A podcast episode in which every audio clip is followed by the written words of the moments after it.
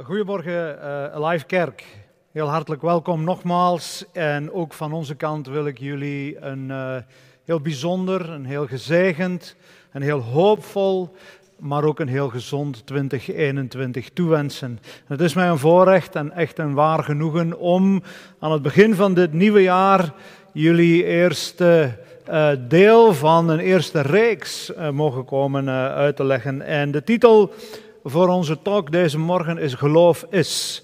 En uh, inderdaad, zoals we gehoord hebben, zoals we net gezien hebben, geloof is misschien een van die drie zaken die Paulus opnoemt, die staande blijven, die een fundament vormen wanneer het leven dreigt uit elkaar te vallen of wanneer dat alles in het leven wegvalt. En die zaken natuurlijk um, zijn van essentieel belang. De Bijbel roept ons op om uit geloof te leven uit geloof leven, geloven. Een aantal vragen, denk ik, die we ons daarbij moeten stellen, uh, is wat is geloof eigenlijk? Wat is geloof? Wat doet het? Vertrouwen op een onzichtbare God. Hoe doe je dat eigenlijk? En wanneer zie je dat geloof um, aan het werk is. Wanneer zie je daadwerkelijk dat, je, dat geloof dat je ontvangen hebt, dat het ook in jouw leven eigenlijk zijn uitwerking heeft. Het zijn een heleboel vragen en we zouden die vragen natuurlijk heel theoretisch kunnen uh, beantwoorden, uh, maar we gaan het trachten op een praktische manier te doen deze morgen. Maar toch, we kunnen niet voorbij zonder uh, te denken aan Hebreeën hoofdstuk 1, of hoofdstuk 11, excuseer.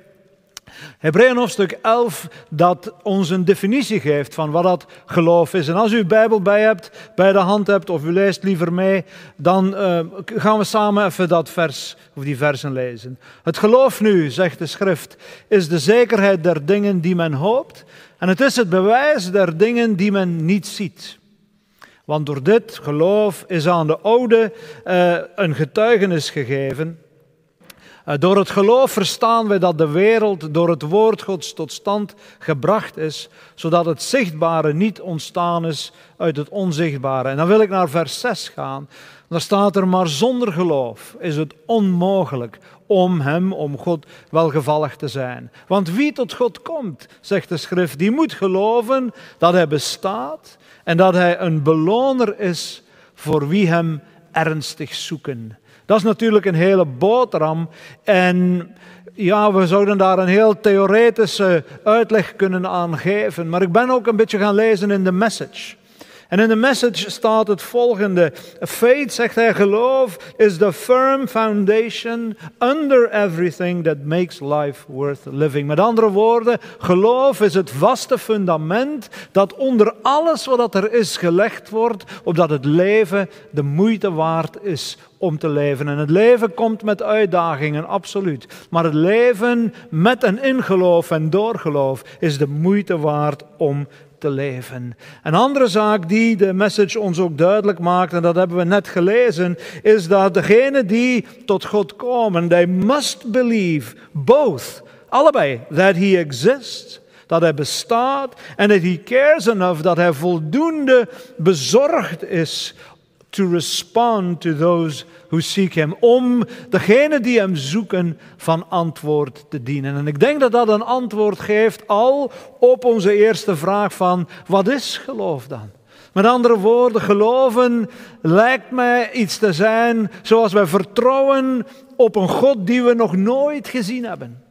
Wie heeft God ooit gezien? God is geest. Op zijn beloften die we misschien niet altijd begrijpen en waarvan de ontwikkeling, onze groei in geloof eigenlijk gebaseerd is op de antwoorden en de manifestaties die we in ons leven ondervinden. Met andere woorden, vanuit die relatie met een levende God.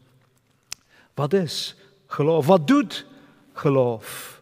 Het legt, zegt de schrift, een fundament, een vast fundament onder alles wat het leven de moeite waard vindt om te leven. Of wat de moeite waard is om te leven. Met andere woorden, geloof, eerste van die drie zaken, geloof, hoop en liefde, is eigenlijk hetgene wat het fundament legt, opdat wij een leven zouden kunnen leiden waar dat ja, voldoening geeft, wat dat uh, krachtig is en wat dat voor onszelf ook, niet alleen voor onszelf, maar voor de mensen om ons heen tot zegen kan zijn. De vraag natuurlijk die wij ons ook gesteld hebben is van, maar hoe leef je dan uit geloof? Hoe doe je dat? En we zouden heel wat teksten kunnen lezen. Ik ga op tijd, uh, om een beetje de tijd een beetje te sparen, het verhaal niet voorlezen, maar ik ga het voor u vertellen. En als u het wil nalezen, het staat in 2 Koningen hoofdstuk 3. En daar vindt u dat verhaal terug. Maar voor nu, we gaan het een keer uh, zo'n beetje plastisch maken. En er waren eens drie koningen, die van Israël, die van Juda en die van Edom. En die hadden hun krachten gebundeld en ze gingen optrekken, ze gingen vechten tegen de koning van de Moabieten. En ze dachten drie tegen één, hey, dat, moet lukken mannen, dat zal, dat zal gemakkelijk gaan. We zijn in de meerderheid, de overwinning is aan ons. De plannen werden gesmeed, de voorbereidingen werden getroffen en de uitwerking van hun plannen was in beweging gekomen alreeds. Maar dikwijls gaan de dingen eigenlijk niet zoals we ze gepland hebben. Ik bedenk dat u misschien wel weet waarover ik het heb. Ook van, bij ons in ons leven gebeuren er dingen die we eigenlijk niet gepland hebben. Je denkt misschien dat je al de eentjes op het droge hebt, maar dan gaat het toch weer de andere richting uit. Misschien heb je al plannen gemaakt, maar dan gebeurt er weer iets wat je niet verwacht had, waardoor dat die plannen in het water vallen. Je had je toekomst uitgestippeld, maar plots val je zonder werk. Of plots is die belangrijke partner, die relatie waarvan je dacht van dit is het, plots staat alles op losse schroeven. En dan lijkt het alsof de wereld in elkaar stort. Er komen dingen op ons pad waar je geen rekening mee gehouden had. En dat is ook hetgeen wat die drie koningen hier te beurt viel of wat zij tegenkwamen. Ze dachten om een gemakkelijke overwinning te behalen, maar in plaats daarvan, in plaats dat hun plannetje gesmeerd liep en dat ze straks daar als overwinnaars stonden, waren ze al zeven dagen door die woestijn aan het marcheren en het water was opgeraakt. Een water in een woestijn, u begrijpt dat, is van levensbelang. En ze stonden dus voor een immens probleem. Eh, zo'n probleem eigenlijk dat de Bijbel zegt dat niet alleen de soldaten, maar ook de dieren en het vee dreigden om te komen van de honger. Ze hadden, met andere woorden, een bijzonder groot probleem. Drie tegen één. Gemakkelijke strijd. Maar nu plots wordt het gevaarlijk en nu plots ja, worden zij wakker geschud als het ware en, en wat gaan ze nu doen? En het verhaal gaat verder dat de koning zei van, maar is hier nergens geen, geen profeet die van Gods wegen kan spreken? En de een of de andere kwam met het idee van, ja, Elisa, die loopt hier nog rond. Elisa, die moet hier ergens zijn. Oh, laten we Elisa gaan halen en hij moet dan maar een goed woordje doen bij God voor ons. En God moet dan maar als een soort van Sinterklaas een oplossing aanbieden. En hetgeen wat ik met u deze morgen wil delen is dat het kan op een heel andere manier. Het kan op een manier waaruit dat wij, of van, van waaruit wij vertrekken. En dat is natuurlijk een relatie met onze hemelse Vader. Verhaal gaat dat um, Elisa uh, bij de koningen komt en dat ze hem het probleem uitleggen.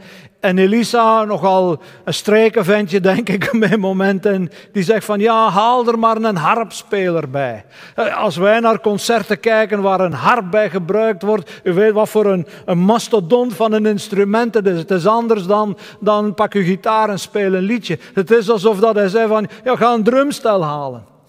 En speel hier een beetje, maak een atmosfeer waarin wij de dingen van het leven kunnen vergeten. Creëer een atmosfeer waarbij we in de tegenwoordigheid van God kunnen komen. En dan uh, komt het in orde. Uh, het is alsof dat de koningen dan denken van, oké, kom aan mannen, laten we snel uh, die harp gaan zoeken. En dan gaat Elisa ons zeker van Gods wegen iets, iets, iets zeggen, een bemoediging zeggen. Hij gaat, hij gaat onmiddellijk voorzien dat wij kunnen drinken en dat onze dieren, onze paarden en onze soldaten gered zijn.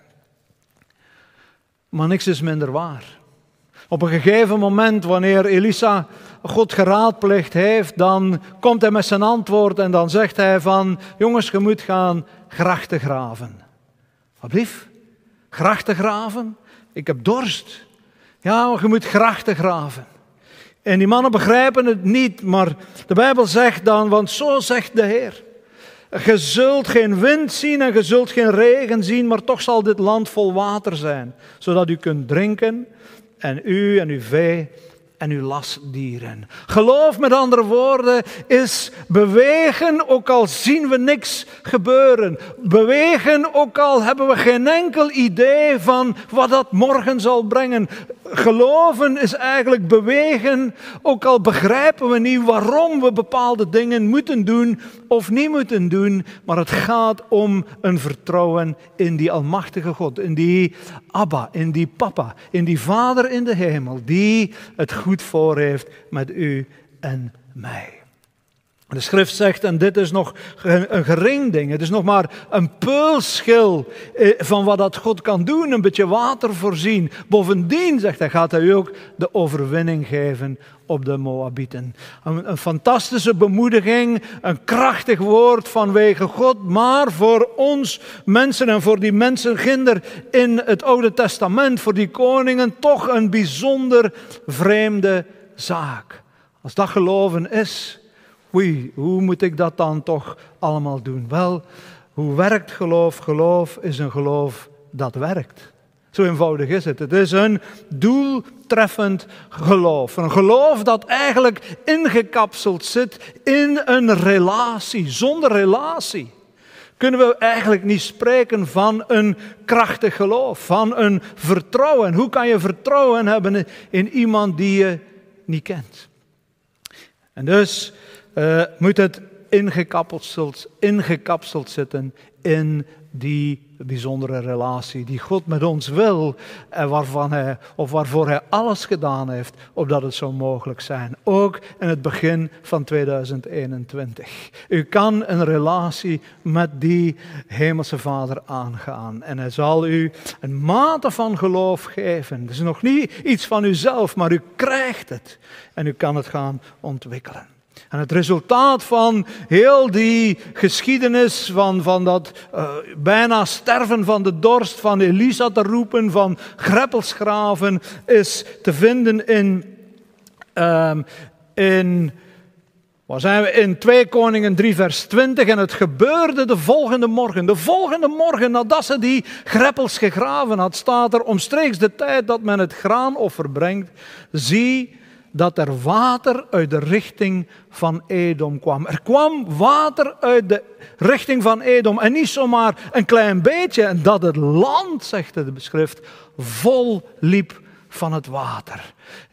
Als God iets geeft, als God u een opdracht geeft, als we wandelen in geloof, als we vertrouwen hebben in die onzichtbare God, als we niet altijd zijn, um, zijn beloftes begrijpen, zijn opdrachten begrijpen, toch mogen we merken dat God meer doet dan dat wat we verwacht hadden. Hij geeft niet alleen een klein beetje water. De Bijbel zegt, hij laat het land vollopen met water vind het bijzonder. Er zijn twee principes die ik heel kort met u wil meegeven uit dit verhaal. En het eerste principe is het volgende. Alleen God zendt het water. Alleen God zendt het water, maar soms wil Hij dat je een greppel graaft. De zegen komt van God. Maar God werkt niet met marionetten. God werkt met kinderen. En soms wil Hij dat wij een greppel graven. Trouwens, Jacobus zegt ons, want het gelijk, gelijk het lichaam zonder de geest dood is, zo is ook het geloof zonder werken dood.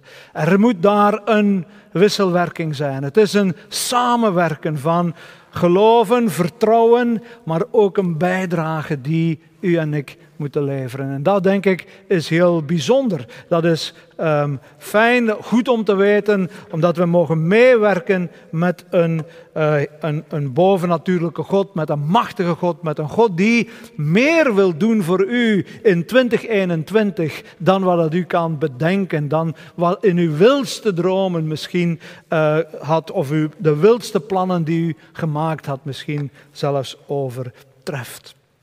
Enkel God stuurt het water. Maar soms wil hij dat je een greppel graaft. En misschien is het beter om, of is het gemakkelijker om het op deze manier um, te onthouden. Toon mij uw vertrouwen. En God zegt, en ik zal u mijn trouw tonen. Show your faith, and I'll show you my faithfulness. Trouw, vertrouwen. Indien wij God vertrouwen, dan zal Hij ook zijn trouw aan ons tonen. Zonder, zonder dat we daar hoeven bij na te denken. Wij wandelen in geloof. Wij wandelen als het ware bijna zonder moeite in geloof. En zijn er meer dan dit verhaal in de schrift? Absoluut. Absoluut. Er was een keer een man met een verschrompelde hand. En die man met de verschrompelde hand wordt bij Jezus gebracht. En je denkt van, oké, God of die Jezus die gaat heel snel een, een, gebedje doen. Die gaat misschien mijn hand aanraken en klaar is Kees. Nee, die man met, met, zijn, met zijn misvormde hand wordt gevraagd om in het midden van de groep te komen staan. hey, je hebt een probleem, je worstelt met iets. En plots vraagt iemand van, kom in het midden van de groep staan. Gemakkelijk? Nee. Greppels graven als je dorst hebt, gemakkelijk ook niet. En alsof dat nog niet genoeg was. Wanneer dat die man in het midden van de groep stond, dan vraagt de Heer Jezus, strek nu uw hand uit. Toon mij uw probleem. Toon het aan mij en toon het aan degene die in kracht en in liefde om u heen staan. En op het moment dat de man zijn hand uitsteekt, zijn probleem presenteert. Hij begrijpt niet waarom dat hij het moet doen. Hij begrijpt niet, niet, niet wat dat het resultaat zou kunnen zijn. Hij heeft er geen enkel idee van, maar hij weet, die man die hier voor me staat, die Jezus Christus, die gekomen is om mij bij de Vader te brengen, om mij de Vader te leren kennen, die man, die, daar weet ik van, dat hij goed doet en dat hij een man is die zegent. En in zijn gehoorzaamheid, in zijn vertrouwen, geneest God zijn verschrompelde hand. Dat is bijzonder. U kent het verhaal van de lammeman. De lammeman die door zijn vrienden door het dak naar beneden gelaten werd en die daar voor de ganse gemeenschap op zijn bed ligt die voorgestoken is als het ware, die niet in de lijn gewacht heeft. En u weet hoe dat, dat vandaag gaat als mensen u voorbij steken in de winkel, als je al lang staat te wachten daar met uw mondkapje op. Hij stak, die gasten staken iedereen voorbij en ze dropten hun vriend bij de Heer Jezus. En iedereen was vol verwachting. En gaat die man aanraken en gaat daar een gebed voor doen en er gaat iets gebeuren. Het enige wat Jezus zegt is, sta op en pak uw mat op. En op de derde plaats zegt hij, en wandel. Hey, maar zou je niet eerst beginnen met te zeggen, wandel, uw benen worden krachtig en, en in Jezus' naam, zeg jij, in mijn naam zeg jij genezen? Zou Jezus kunnen zeggen, nee, dat doet hij niet. Hij zei, sta op. Um, heer, sta op. Ik lig hier al, ik weet niet hoe lang op die mat. Ik, weet niet hoe ik dat moet doen. Ik kan niet. Sta op. Graaf een greppel. Steek uw hand uit. En wat gebeurt er? De jongeman staat op, pakt zijn mat op en wandelt naar huis.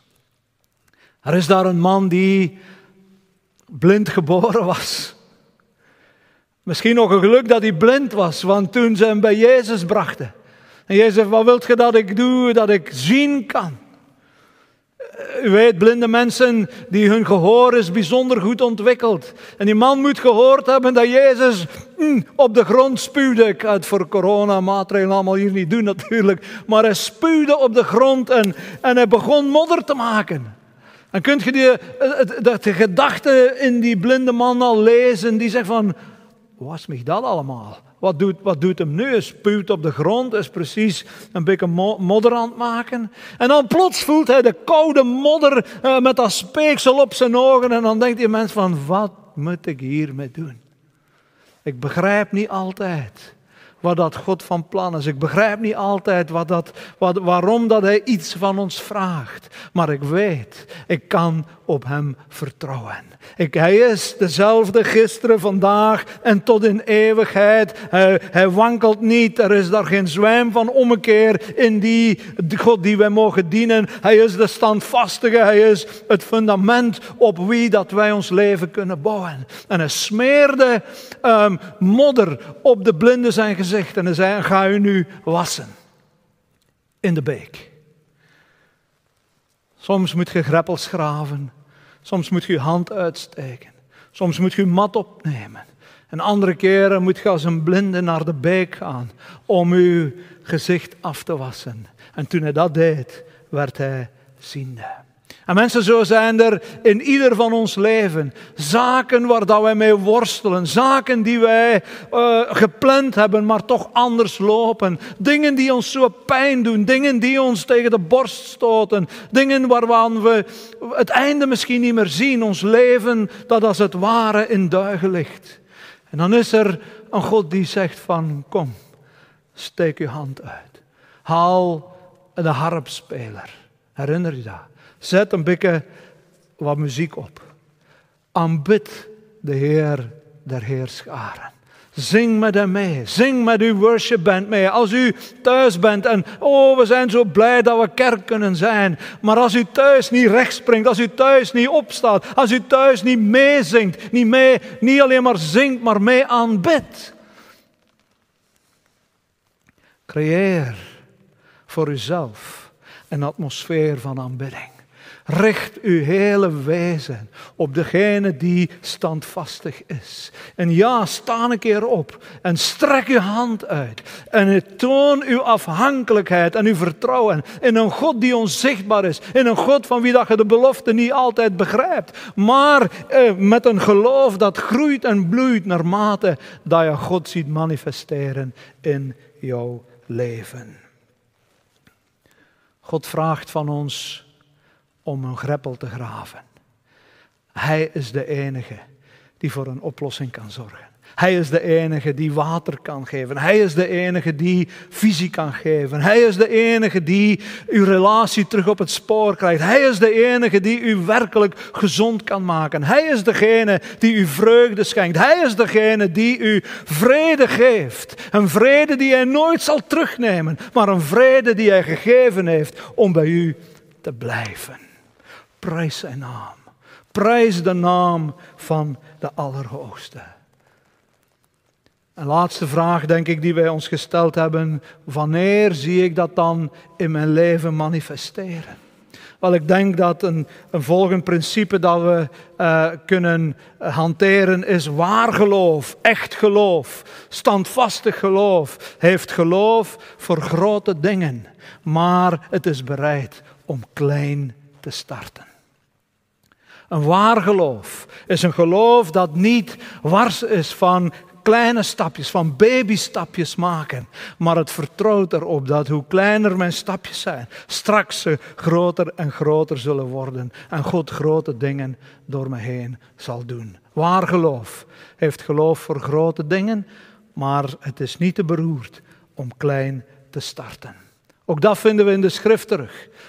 Want wie veracht de dag der kleine dingen staat geschreven in Zacharia. Wie veracht, wie misprijst eigenlijk de dag van een klein begin? Ik vind het altijd bijzonder dat we vandaag naar de, naar de maan vliegen, dat wij mensen op de maan hebben, dat wij voorbij de maan kijken en naar Mars willen vliegen.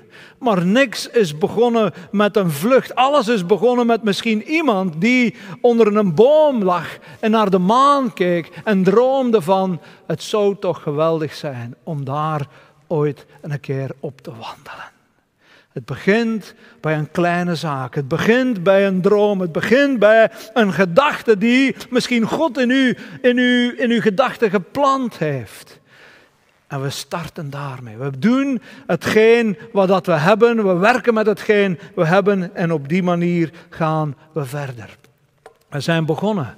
U bent begonnen met een aantal mensen die plannen maakten, die samengekomen zijn, die voorbereid hebben. En vandaag zijn wij de kerk van Christus. Vandaag zijn wij alive, zijn wij een krachtige kerk en spreken wij tot honderden mensen. Niet alleen via de livestream, maar ook via, via, via. Wij gaan van mond tot mond. Waarom? Omdat wij gehoorzaam waren, omdat we kleine babystapjes gezet hebben en God dat eert en waardeert en Hij zegent. En zo mogen ook wij van CLC Lumme een getuige zijn van de kracht Gods, van, van de werking van God de Heilige Geest. Omdat wij bereid waren kleine babystapjes te zetten, komt God naderbij en zal Hij die um, zaken uitvergroten. Om het nogmaals aan u mee te geven, een tweede keer uh, deze morgen. En het gebeurde de volgende morgen, omstreeks de tijd dat men het graanoffer brengt. Zie dat er water uit de richting van Edom kwam. Er kwam water uit de richting van Edom. Niet maar een klein beetje, maar het land liep vol water. Het land liep vol water. Nadat ze trouw greppels gegraven hadden, nadat ze gedaan hadden, zonder het te begrijpen waarschijnlijk, wat de profeet hen had opgedragen, kwam de zegen vanuit Edom. Kwam de overvloedige zegen, lieve mens. Overvloedige zegen. En het doet mij denken aan dat schriftgedeelte dat zegt: Indien wij geven, dan zal God aan ons geven. Wat? Niet zomaar een peulschil, maar een, een geschudde, een aangedrukte, een overlopende maat. God geeft meer dan wat dat wij investeren. Ik moet altijd denken aan spaarboekjes. Als je vandaag je centen op een spaarboekje uh, zou zetten, dan op het einde van het jaar heb je geld betaald om het erop te zetten. En heb je eigenlijk geen rendement gekregen. De beste belegging die u vandaag kan doen, is uw vertrouwen stellen in een hemelse Vader. In een God die standvastig is. In een God die dezelfde is. In een God die voor u uitgaat. In een God die voor u een weg baant. Ook al lijkt er geen weg te zijn. Ja, ook in een God die soms van u vreemde dingen vraagt. Maar waarvan dat je kunt weten van ik zal het doen. Want ik weet dat achter dit vreemde, achter deze vreemde opdracht schuilt de zegen. De zegen komt. Alleen God is bij machten om het water te sturen. Maar hij wil soms dat wij een greppel graven. En sommigen van ons hebben een echte nood en gedenkt misschien, God, God zal nu wel een oplossing geven. Als God nu mijn gebed maar onmiddellijk verhoort, dan is alles in orde. Maar misschien mogen wij niet vergeten dat onze grootste nood misschien wel eens onze grootste zegen kan zijn wanneer het ons in de armen van een liefdevolle God beweegt, die wij kunnen vertrouwen en die het in zijn hart heeft om ons te zegenen, om die het beste met ons voor heeft. En misschien moet ik het nog zeggen, he, he that comes to God, hij die tot God komt, must believe both that he exists and that he cares enough to respond to those who seek him. Niet alleen moeten wij geloven en moeten wij ja, aannemen dat Hij bestaat.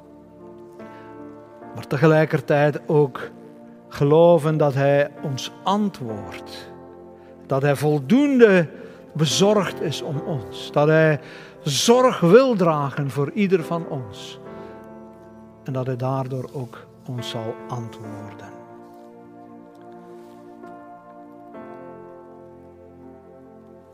Daarom denk ik dat het goed is om met elkaar te bidden.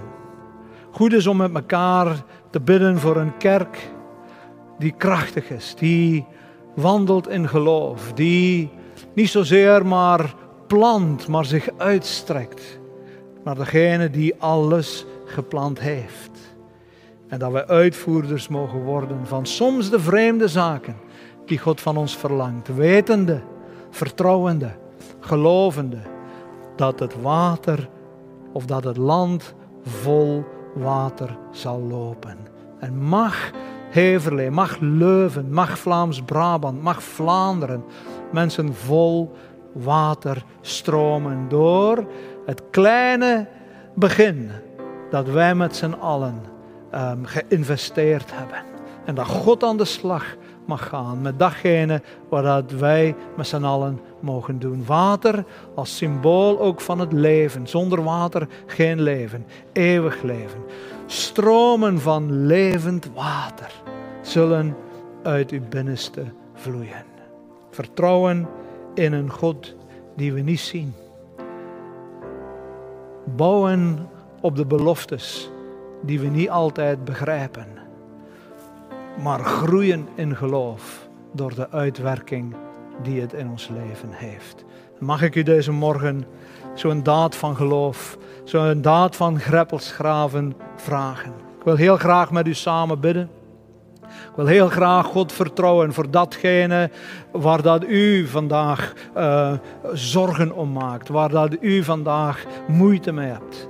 Maar laten wij als een, als een daad van greppelsgraven misschien recht staan, daar waar u bent. Niet naar uw, uw partner kijken, niet naar uw kinderen kijken, maar gewoon recht staan en uw hoofd opheffen naar onze hemelse Abba. Misschien moeten wij zoals die man met zijn, met zijn, eh, zijn hand daar onze armen en onze handen uitstrekken. Uitstrekken in, in verwachting van mijn Vader in de hemel gaat iets voor mij doen. Begrijp niet waarom ik dat zou moeten doen. Als ik hier in mijn zetel met mijn koffie kan blijven zitten, dan moet toch ook werken. Misschien werkt het wel. Maar God vraagt soms, graaf en greppel. Zijn we klaar? Laten wij recht staan. Laten wij in vertrouwen voor onze Abba komen, voor onze Vader komen, voor de Koning der Koningen komen. Bent u er klaar voor? Vader in de hemel. Er hier staan wij. Als een vorm van greppelsgraven, Heer, deze morgen. Strekken wij onze handen uit naar U. In een vertrouwen. In een geloof dat U bestaat. Dat U voldoende om ons bekommerd bent. En dat als wij tot U naderen, dat U ook onze verzoeken zult beantwoorden. En dat u alleen maar het beste met ieder van ons voor hebt. En Heere God, zo wil ik bidden voor al die mensen die deze morgen daar recht staan en hun handen uitgestoken hebben. Vader God, u kent het probleem. U weet de droogte misschien in hun leven. U weet de zorgen die zij hebben. U weet, Heere God, dat de plannen die zij gesmeed hadden, misschien in het water gevallen zijn door gelijk welke omstandigheden. Maar Vader God, we strekken ons uit naar U. U bent degene die water geeft. U bent degene die leven geeft. U bent degene die visie geeft. U bent degene die gezondheid geeft. U bent degene die kracht geeft. U bent degene die vreugde geeft. En we danken u, Heer. Wij danken u dat we dat mogen ontvangen in de naam van uw Zoon, de Heere Jezus. Tot meerdere glorie van uw naam. En tot versterking van ieder van ons. En tot uitbouw van uw kerk, Heer. Wij eren u en wij danken u in Jezus' naam.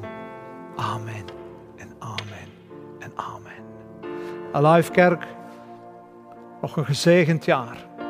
Het is fantastisch dat we dit jaar mogen beginnen met zo'n thema. Geloof, hoop en liefde. Iedereen hunkert naar liefde geven en liefde ontvangen. En wij leven allemaal in de hoop, in die levende hoop, dat op een dag de Heer Jezus terugkomt. En zolang dat we daarin zijn, wandelen wij in geloof. Van geloof naar geloof. Krachtige mensen, meer dan overwinnaars, tot eer van de Heer Jezus. Het gaat u goed, tot de volgende keer. Amen.